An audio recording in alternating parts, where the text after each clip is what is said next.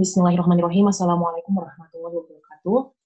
Alhamdulillah rabbil alamin wa bihi nasta'in wa ala umuri dunya waddin wa ala ahlihi wa sahbihi ajma'in Alhamdulillah eh, teman-teman malam ini eh, kita kembali lagi di kajian kitab kita, kajian kitab Dawa Dawa, kitab yang ditulis oleh imam besar kita Imam Ibnu Qayyim Al-Jauziyah.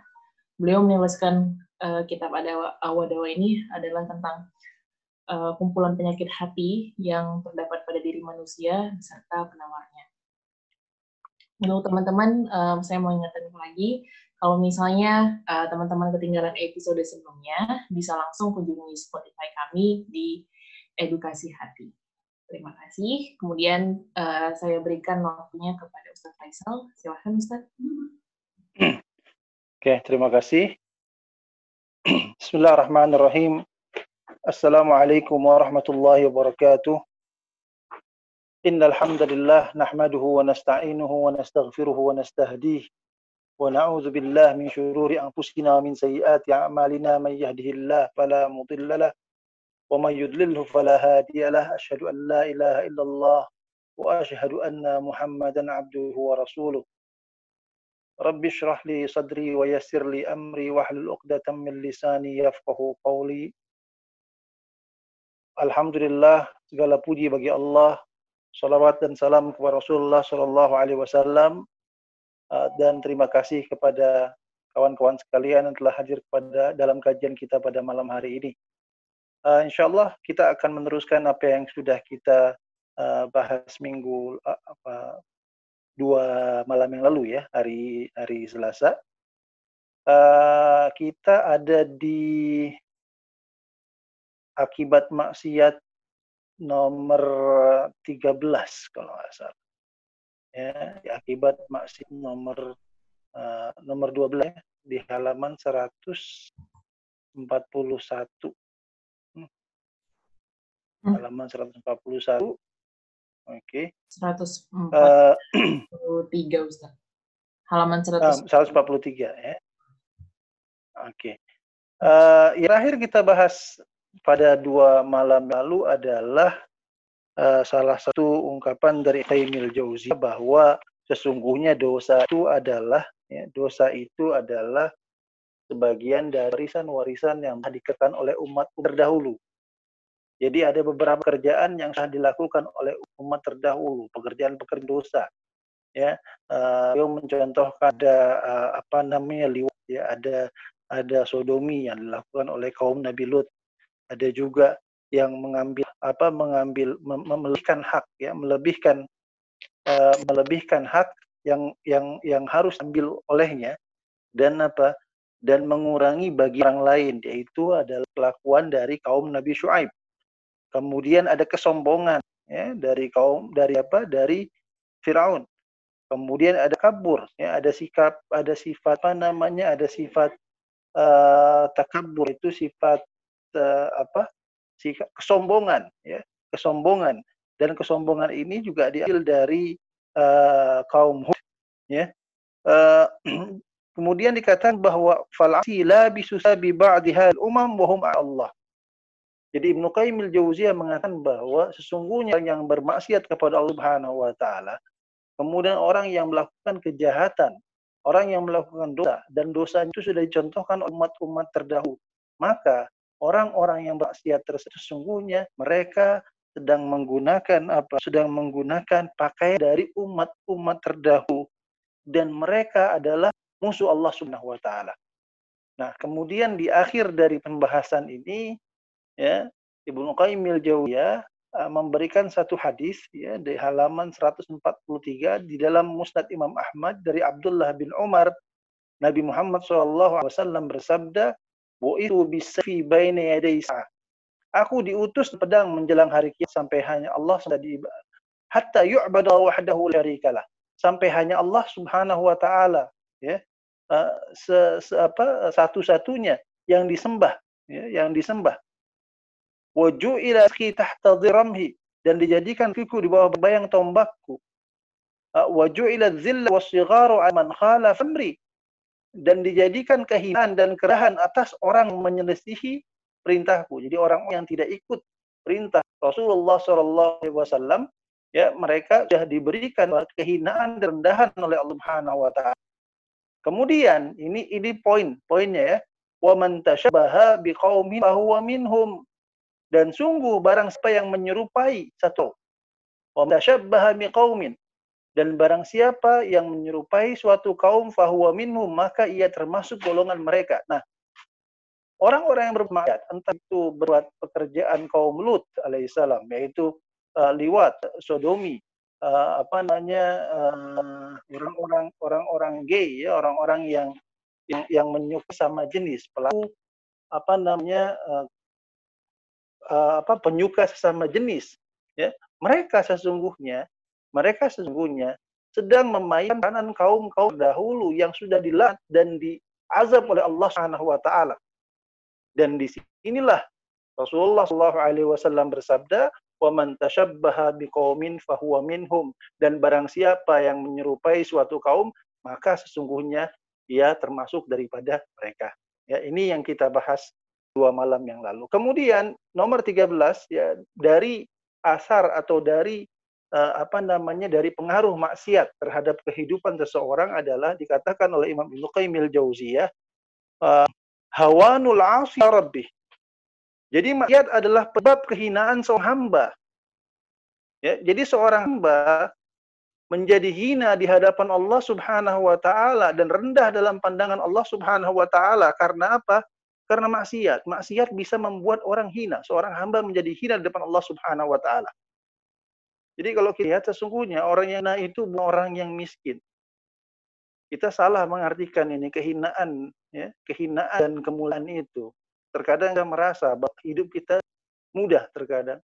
Kemudian kita mendapatkan barang-barang yang bagus di dunia ini. Kemudian kita mendapatkan rezeki yang sangat mudah di dunia ini.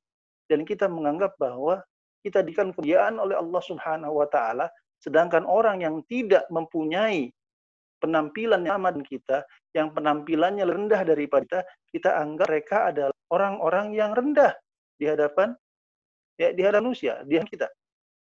Padahal bisa jadi karena maksiat yang kita lakukan, walaupun dalam strata sosial yang lebih tinggi daripada mereka, ya, maka kita hina di hadapan Allah Subhanahu wa taala, mereka mulia di hadapan Allah Subhanahu wa taala. Jadi Al-Hasan mengatakan, Al-Hasan Al-Basri mengatakan, Hanu fa'asu ya mereka adalah orang-orang yang hina di hadapan Allah Subhanahu wa taala sehingga mereka pun bermaksiat kepada Allah Subhanahu wa taala. Ya, jadi kemaksiatan yang melakukan ini, ini seperti lingkaran. Ya. Maksiatan adalah karena hinaan. Kemudian dia bermaksiat lagi. Kemudian dia menjadi, menjadi hina lagi. Ya. Ini auzubillah. Ya. Ya, sehingga mereka pun bermaksiat terus kepada Allah Subhanahu wa taala. Nah, Hasan al-Basri mengatakan, walau azzu alaihi la'asamahum. Sekiranya mereka adalah orang-orang yang mulia di hadapan Allah Subhanahu wa taala, la'asamahum. Ya, kata Al Hasan Al Basri, la'asamahum. Maka Allah Subhanahu wa taala akan akan menjaga mereka dari perbuatan maksiat yang mereka lakukan. Nah, tetapi mereka tidak terjaga dari maksiat. Walaupun dengan tampilan yang sangat mulia, mereka tidak terjaga dari maksiat yang mereka lakukan dari minuman-minuman yang haram, makanan-makanan yang haram, dari perbuatan yang haram, dari uh, apa namanya, dari dari kelakuan yang haram, dari perilaku yang haram, mereka terus melakukan. Ya artinya artinya tidak ada kemuliaan bagi mereka. Kenapa? Karena kalaulah seandainya mereka itu adalah orang yang mulia, la asomahum, maka Allah Subhanahu wa taala akan menjaga mereka dari apa? Dari perbuatan maksiat. Ya, ini, ini perkataan yang sesungguhnya harus kita resapi bahwa kalaulah kita merasa diri kita mulia, maka kemuliaan kita adalah dengan ketakwaan kepada Allah Subhanahu wa taala, ketaatan terhadap perintah Allah Subhanahu wa taala dan jauhnya diri kita dari dosa. Karena semakin dekat kita dengan dosa, maka semakin jauh kita dari kemuliaan dan semakin dekat kita dari kehinaan. Nah, kalau seandainya kita sudah dihinakan oleh Allah Subhanahu wa taala dengan dosa ini, ya kalau Allah menghina kita dengan tendensi ya tendensi berbuat dosa dengan cenderungan mudah sekali buat maksiat di hadapan Allah Subhanahu wa taala Maka lihat dalam Al-Hajj ayat 8 yuhinillahu fama lahu mukrim. Wa may yuhinillahu fama lahu min mukrim. Dan barang siapa yuhinillah yang dihinakan oleh Allah Subhanahu wa taala, maka tidak ada seorang pun yang bisa memuliakannya. Ya. Ini ini Imam Ibnu Qayyim al-Jauziyah mengatakan bahwa wa in azamumun nas fi lihajatihim ilaihim aw khafan min syarrihim fahum fi qulubihim ahqar syai'in wa ahwanu. Kalaulah seandainya orang-orang yang berbuat dosa, berbuat maksiat, ya, orang-orang yang jahat, orang-orang yang banyak kezaliman yang dia lakukan, Kemudian, kalaulah seandainya secara akhirnya kita melihat banyak sekali orang-orang yang memuliakannya, yang menghormati, kemudian yang mengagungkan, ya, maka dikatakan Ibnu Qayyim itu pasti dikarenakan karena mereka memiliki hajat, mereka memiliki apa? keperluan, kepentingan tertentu dan takut dengan ke kejahatannya. Ya, jadi mereka sudah sudah sudah sudah terlanjur apa terikat orang tersebut ya dan takut ya takut atas ancaman orang tersebut maka apa? Maka dia memuliakan orang tersebut. Padahal sesungguhnya di hati mereka orang ini adalah orang yang paling rendah dan paling hina. Nah, itu dikatakan Ibnu Qayyim ya. Jadi uh, Ibnu Qayyim mengatakan bahwa seorang hamba ya seorang hamba terus-menerus melakukan maksiat sehingga maksiat tersebut terasa remeh dan kecil tinya. Ya. Jadi jadi ketika kita seorang hamba terus menerus melakukan maksiat dan maksiat itu terasa remeh dan kecil tinya, itulah tanda-tanda kebinasaan. Ini seperti yang kita uh, baca, kita pelajari lalu bahwa apa? Uh, bahwa fa inna ini diuin lagi stand ini oleh Ibnu Qayyim al-Jauziyah. Sudah pernah diucapkan oleh Ibnu Qayyim al-Jauziyah uh, di pembahasan sebelumnya. Ibnu Qayyim al-Jauziyah berkata fa inna dzamba ya sesungguhnya dosa itu. Fa inna dzanba sesungguhnya dosa itu. Kul ma fi 'ainil 'abdi 'azuma indallah. Sesungguhnya sesuatu dosa suatu kemaksiatan yang dilakukan oleh seorang hamba apabila si pelakunya merasa dosa itu adalah kecil, sesungguhnya dosa itu besar di depan Allah Subhanahu wa taala. Tapi sebaliknya, apabila dosa yang dia lakukan, dia merasa dosa itu besar sehingga dia sedih, dia menyesal dengan dosa yang dia lakukan, maka ketahui sesungguhnya di Allah dosa itu sesungguhnya dosa yang kecil. Jadi ini diulangi lagi oleh Ibnu Qayyim al-Jauziyah agar kita mengingat dan mengingat ya uh, agar kita tidak terbiasa dengan dosa. Karena karena itulah orang kalau sudah terbiasa dosa, hidup dengan dosa, mas dengan dosa susah.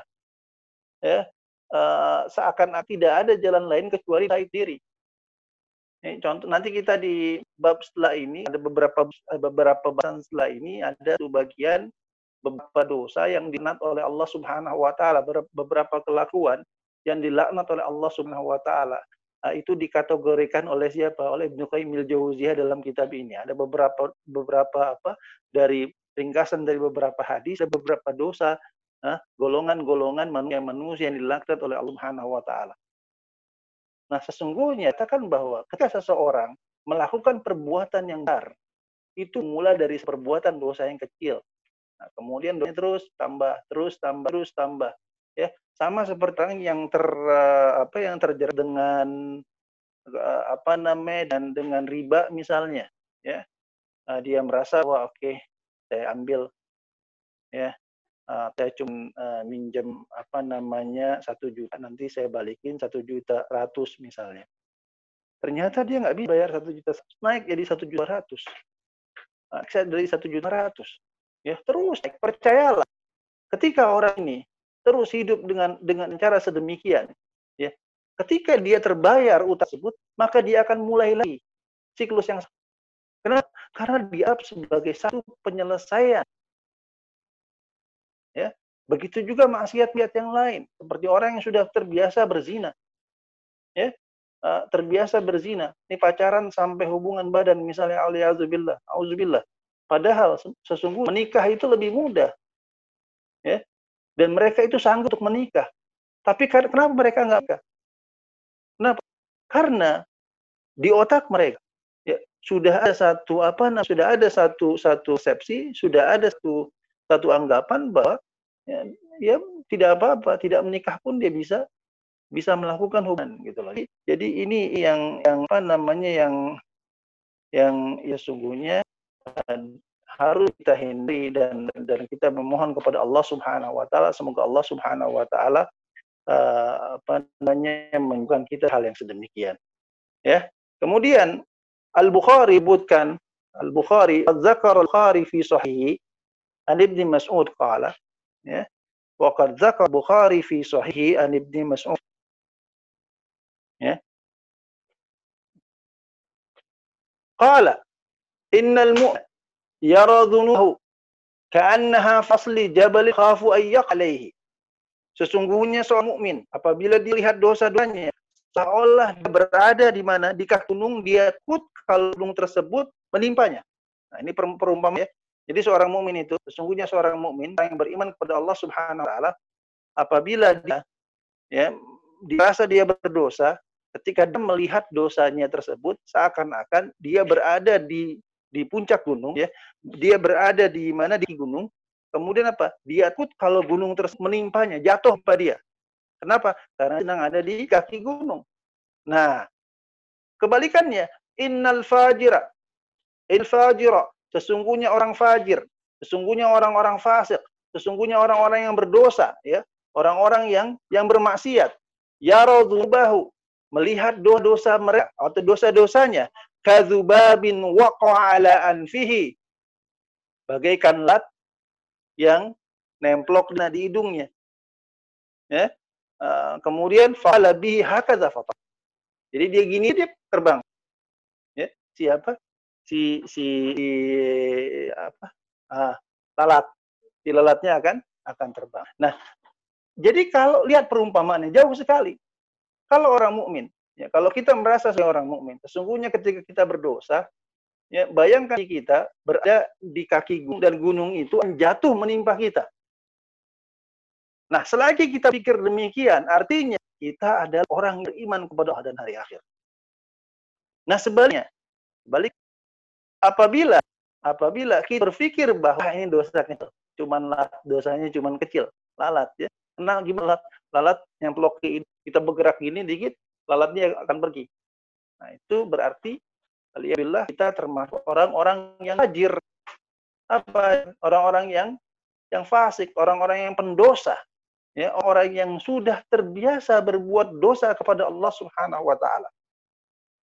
Dan dikatakan bahwa ya semakin apa namanya semakin kecil kita melihat dosa, maka sungguhnya makin besar dosa itu di hadapan Allah Subhanahu wa taala. Apabila kita melihat dosa itu bagaikan gunung, maka sesungguhnya dia sebesar lalat di hadapan Allah Subhanahu wa taala. Sebaliknya, apabila kita melihat dosa yang kita lakukan itu seperti lalat, sesungguhnya dia mungkin lebih besar dari gunung di hadapan Allah Subhanahu wa taala.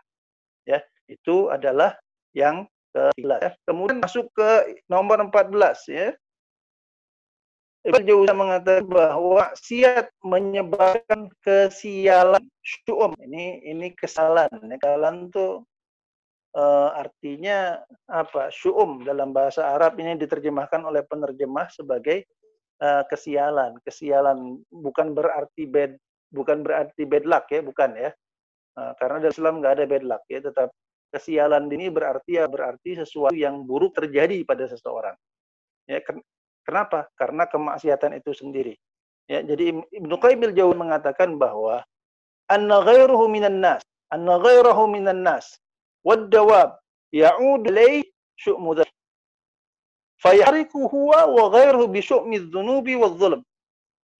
Ya, di antara dampak maksiat ya dan dosa adalah selain pelaku dairahu selain pelaku dari maksiat itu sendiri juga terkena terkena kesialan dosa itu sendiri terkena dampak dari dosa itu sendiri. Ya itu Imam Ibnu Qayyim juga mengatakan bahwa itu bukan hanya dari manusia tetapi apa? Uh, minas wadawab dari manusia dan binatang. Ya jadi bukan cuma manusia tetapi manusia dan binatang Hurairah berkata innal hubara lamutu fi wikriha min dzulmi Ya, sungguhnya burung, ada burung namanya burung hubara, ya. Burung hubara itu burung yang panjangnya itu kayak burung apa? Kayak burung uh, burung flamingo ya. burung flamingo nggak tahu bahasa Indonesia burung apa. Ya. Jadi jadi uh, burung hubara itu dikatakan oleh Abu Hurairah radhiyallahu anhu bahwa sesungguhnya burung hubara yang panjang leher bisa mati dalam sarangnya disebabkan oleh kezaliman orang yang zalim. Ya, jadi jadi orang zalim di satu tempat, maka burung hubaro mati di satu tempat yang lain.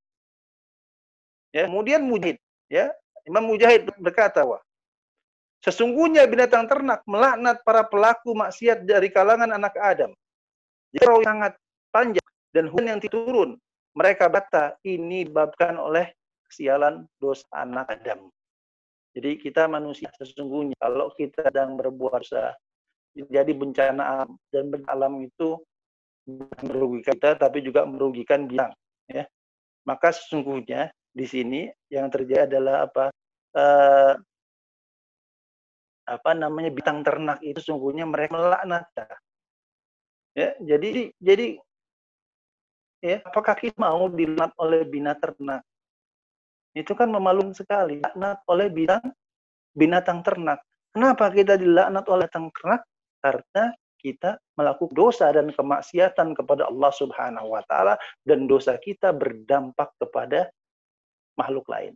Nah, ini seperti ada hadis kan ya, hadis menyebutkan bahwa uh, wa innal huta Rasulullah SAW alaihi wasallam bersabda bahwa uh, apa namanya wa innal huta apa sesungguhnya orang orang-orang sesungguhnya orang yang alim ya orang-orang orang yang berilmu. Wa innalim la yastaghfiru kullu syai'in hatta al fil bahr.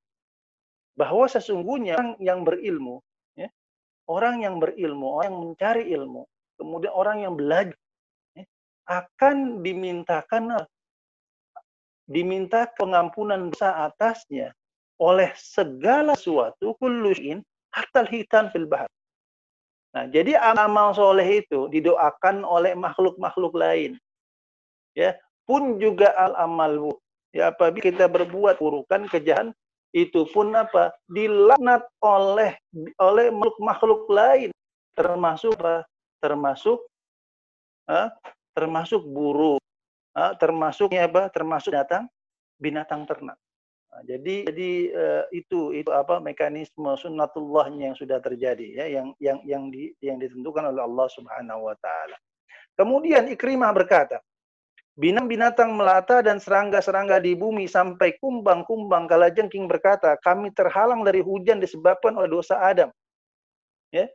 Jadi pelaku sia tidak hanya mendapatkan hukum dari tetapi juga mendapatkan laknat dari orang dari apa? dari makhluk yang tidak tidak berdosa bukan cuma tapi makhluk yang tidak besar. Makhluk semua makhluk. Ya, binatang semua lain sebagai binatang dari yang kecil sampai yang besar. Ya, mereka melaknat kita. Melaknat kita apabila kita berbuat maksiat kepada Allah Subhanahu wa taala. Jadi uh, inilah dalam surat uh, Ar-Rum ya. Ar-Rum ayat 21 Allah firman zahar fasadu fil barri wal bahr bima kasabat aynas bahwa fasad muncullah kerusakan di mana barri wal bahri di bumi di lautan. Ya bima kasabat aidin nah kerusakan itu adalah kenapa? Karena kelakuan manusia. Entah itu kelakuan manusia secara langsung dengan merusak mengeksplorasi kemudian apa namanya menghabiskan ya menghabiskan uh, mengeksploitasi dan lain sebagainya dan juga bisa diartikan bimka sahabat aidin dengan dosa-dosa manusia. Karena dosa-dosa kita, maka makhluk-makhluk lain mendapatkan apa akibatnya juga. Dan karena makhluk lain mendapatkan akibatnya, maka makhluk lain itu apa melaknat kita.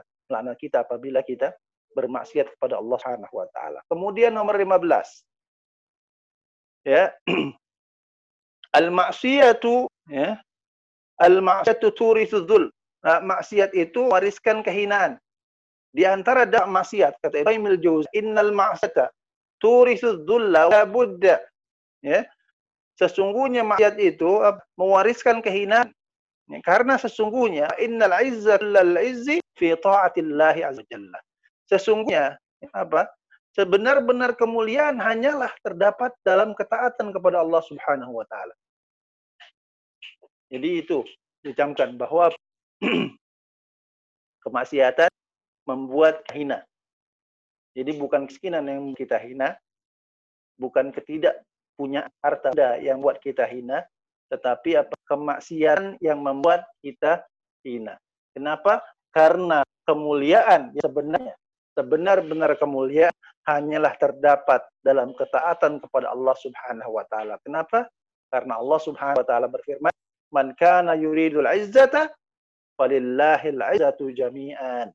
Man kana yuridul izzata, barang siapa menghendaki kemuliaan, ah, falillahil izzatu jami'an, maka Allah lah kemuliaan itu selamanya. Maka bagi Allah lah kemuliaan itu selamanya. Ya, jadi kalau kita sebaliknya Ya, kalau mencari kehinaan, artinya apa? Kehinaan itu lewat kemaksiatan dan dosa terhadap Allah Subhanahu wa taala. Sebagaimana kemuliaan itu didapatkan lewat keatan kita kepada Allah Subhanahu wa taala dan sebagaimana kuatnya kita menjalankan perintah-perintah Allah dan taatnya kita kepada perintah Allah dan jauhnya kita larangan-larangan Allah Subhanahu wa taala.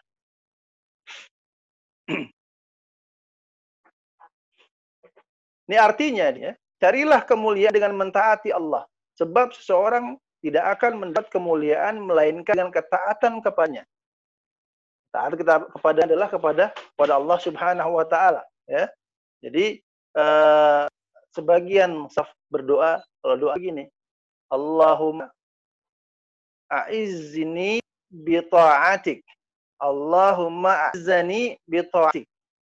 Allahumma a'izni bi ta'atik wala tudhillani bima'siyatik. Saya ulangi ya doa. Allahumma ya Allah a'izni mulkanlah aku bi ta'ati dengan ketaatanku kepadamu wala tudhillan dan jangan hinakan aku bima'siyatik dengan mendurhakaimu. Jadi itu uh, doa yang kita ucapkan yang diucapkan oleh para saf ya di mana mereka meminta kepada Allah Subhanahu wa taala untuk dimuliakan. Dimuliakannya dengan apa? Bitaatik, dengan ketaatku kepadamu. Jadi dimuliakannya dengan ketaatan ke Allah. Dengan taatnya.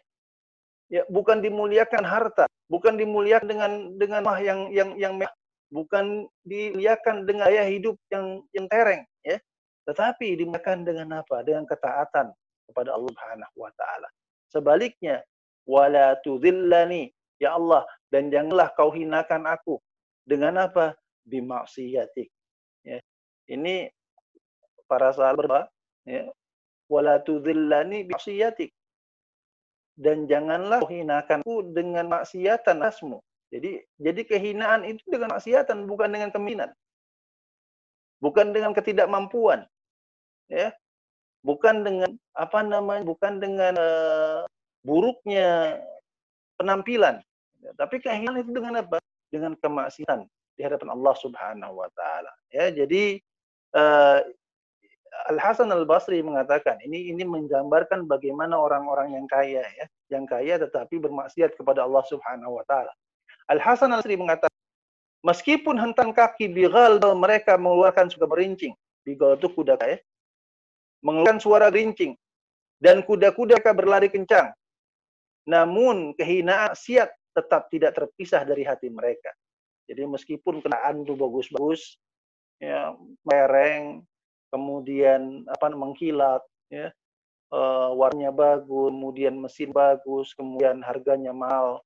Uh, kalau kita buka pintu harum sekali, ya, uh, tetapi apa uh, dan larinya kencang, ya, tetapi apa kehinaan maksiat tetap tidak terpisah dari hati mereka.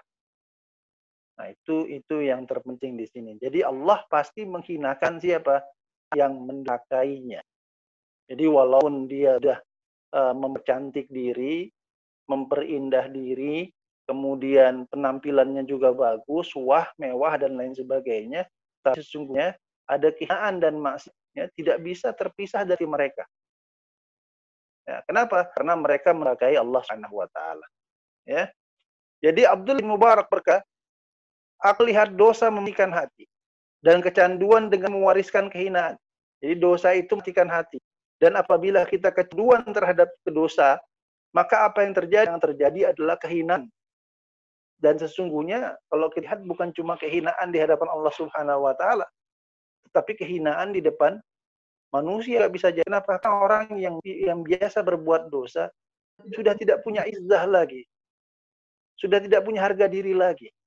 Sehingga ketika dia tidak punya harga diri lagi, dia sudah ter tersaku suka hati. Ya berbuat apa yang dia mau sesuka hati dia. Nah, itu salahnya. Jadi uh, ber, apa berbuat dosa di depan orang banyak, kemudian memalukan diri dia sendiri. Karena seseorang apabila apabila dia bisa mempermalukan diri dia di hadapan Allah Subhanahu wa taala, maka apalah artinya manusia bagi dia. Ya.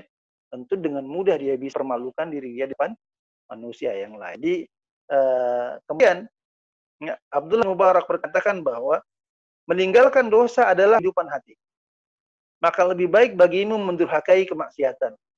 Ya. Bukanlah yang rusak agama adalah para raja, para ulama yang buruk, serta para pendetanya.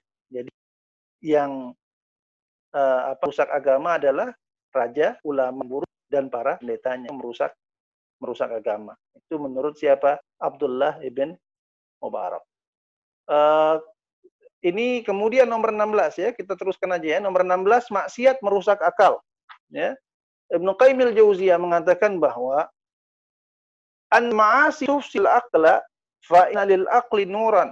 Ini sama sama hampir sama dengan bahasan kita yang yang pertama uh, satu uh, apa yang kedua kalau nggak salah bahwa apa maksiat itu bisa menghalangi ilmu untuk masuk ya. Nah, dikatakan bahwa maksiat itu merusak akal. Kata siapa? Kata Ibnu Qayyim al-Jauziyah mengatakan bahwa uh, anal ma'si tudul aqla Fa inna lil nuran. Fa kenapa maksiat itu merusak akal? Karena akal itu memiliki cahaya katanya, ya. Wal maksiat tutfi nural aqlabud. Dan yang namanya maksiat itu apa? Meredupkan, bahkan matikan cahaya akal itu. Ya. Jadi jika cahaya akal itu padam, cahaya apa? Kemauan akal berkurang. Ya. Jadi jadi uh, sebagian para salaf mengatakan bahwa Eh, ma'allahu ahadun hatta yaghiba aqlu. Tidaklah seseorang bermaksiat kepada Allah melainkan akalnya sudah Kenapa akalnya hilang? Karena dia tahu bahwa apa yang dia lakukan itu ada konsekuensinya di Allah Subhanahu wa taala, tapi dia nggak peduli itu, dia melakukan itu. Artinya apa? Akalnya sudah hilang karena bagian salah. Nah, uh, hal ini sangat jelas ya. Jadi jadi jadi gini, hal ini sangat jelas kata Ibnu Kamil Jauziyah, karena apabila seseorang mempunyai akal yang sehat, pasti dia akan mencegah apa pelaku maksiat dari maksiatnya. Jadi akal yang sehat itu akan mencegah pelaku maksiat dari kemaksiatannya. Ini ini sebagian dari uh, jadi dalam Islam itu ada yang namanya uh, apa namanya makasid syariah. Daripada makasid syariah adalah hifzul akal, menjaga akal. Ini ada beberapa dosa, ada beberapa yang bisa merusak akal secara langsung. Dosa itu sih. Dari dari perbuatan maksiat itu sendiri. Contohnya khamr ya. Khamr. Uh, jadi khamr itu kan apa namanya rokok ya mabuk. Khamr. Dan dan dan dan dan benda-benda yang memabukkan itu merusak akal pikiran ya. Nah itu kalau kalau khamr itu memang sudah jelas dia merusak pikiran tetapi ternyata bukan cuma itu aja yang bisa rusak akal ya tanda kerusakan akal ada ketika orang buat maksiat walaupun dia bukan minum khamr contohnya tapi maksiat lain. Tapi sesungguhnya apa akalnya itu rusak. Kenapa akalnya itu? Kata Ibnu Qayyim Jauziyah, karena Allah seandainya dia punya akal yang sehat, maka dia akan meninggalkan maksiatnya. Maka akal sehatnya itu akan mencegah dia dari apa? Dari maksiatnya. Ya, jadi uh, jadi ini uh, saya pikir malam ini kita berhenti di sini karena uh, insya Allah lah pembahasannya panjang sekali. Jadi uh, saya akan apa nih akan menutup dengan satu statement dari Ibnu Qayyim Jauziyah ya bahwa kebaikan dunia akhir yang dihilangkan akibat maksiat yang berkali lebih banyak dibandingkan kenangan kelezatan maksiat itu sendiri.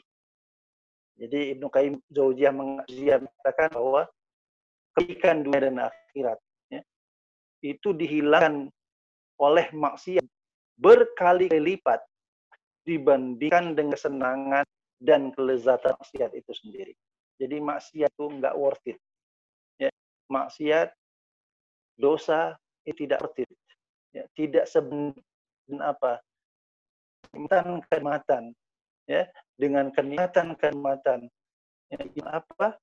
Dunia dan akhirat. Kebaikan kebaikan dunia akhirat yang hilang akibat maksiat itu sih. Jadi begitu saja. Insya Allah kita ketemu di minggu depan. Uh, besok ya bukan minggu depan. Insya Allah besok kita ketemu lagi. Uh, mari kita sama-sama meminta kepada Allah Subhanahu wa taala. Semoga Allah Subhanahu wa taala memberikan kita istiqamah. Semoga Allah Subhanahu wa taala memberikan kita sabat ketetapan hati kita. Semoga Allah Subhanahu wa taala menjauhkan dari siat. Semoga Allah Subhanahu wa taala mendekatkan kita dengan amal saleh. Rabbana tuzigh qulubana ba'd hadaitana wa hab lana min ladunka rahmatan innaka antal wahhab. ربنا لا تؤاخذنا إن نسينا وأخطأنا ربنا ولا تحمل علينا إصرا كما حمله على الذين من قبلنا ربنا ولا تحقق لنا فاعف عنا واغفر لنا وارحمنا أنت مولانا فانصر على القوم الكافرين ربنا لا تزغ قلوبنا بعد إذ هديتنا وهب لنا من لدنك رحمة إنك أنت الوهاب.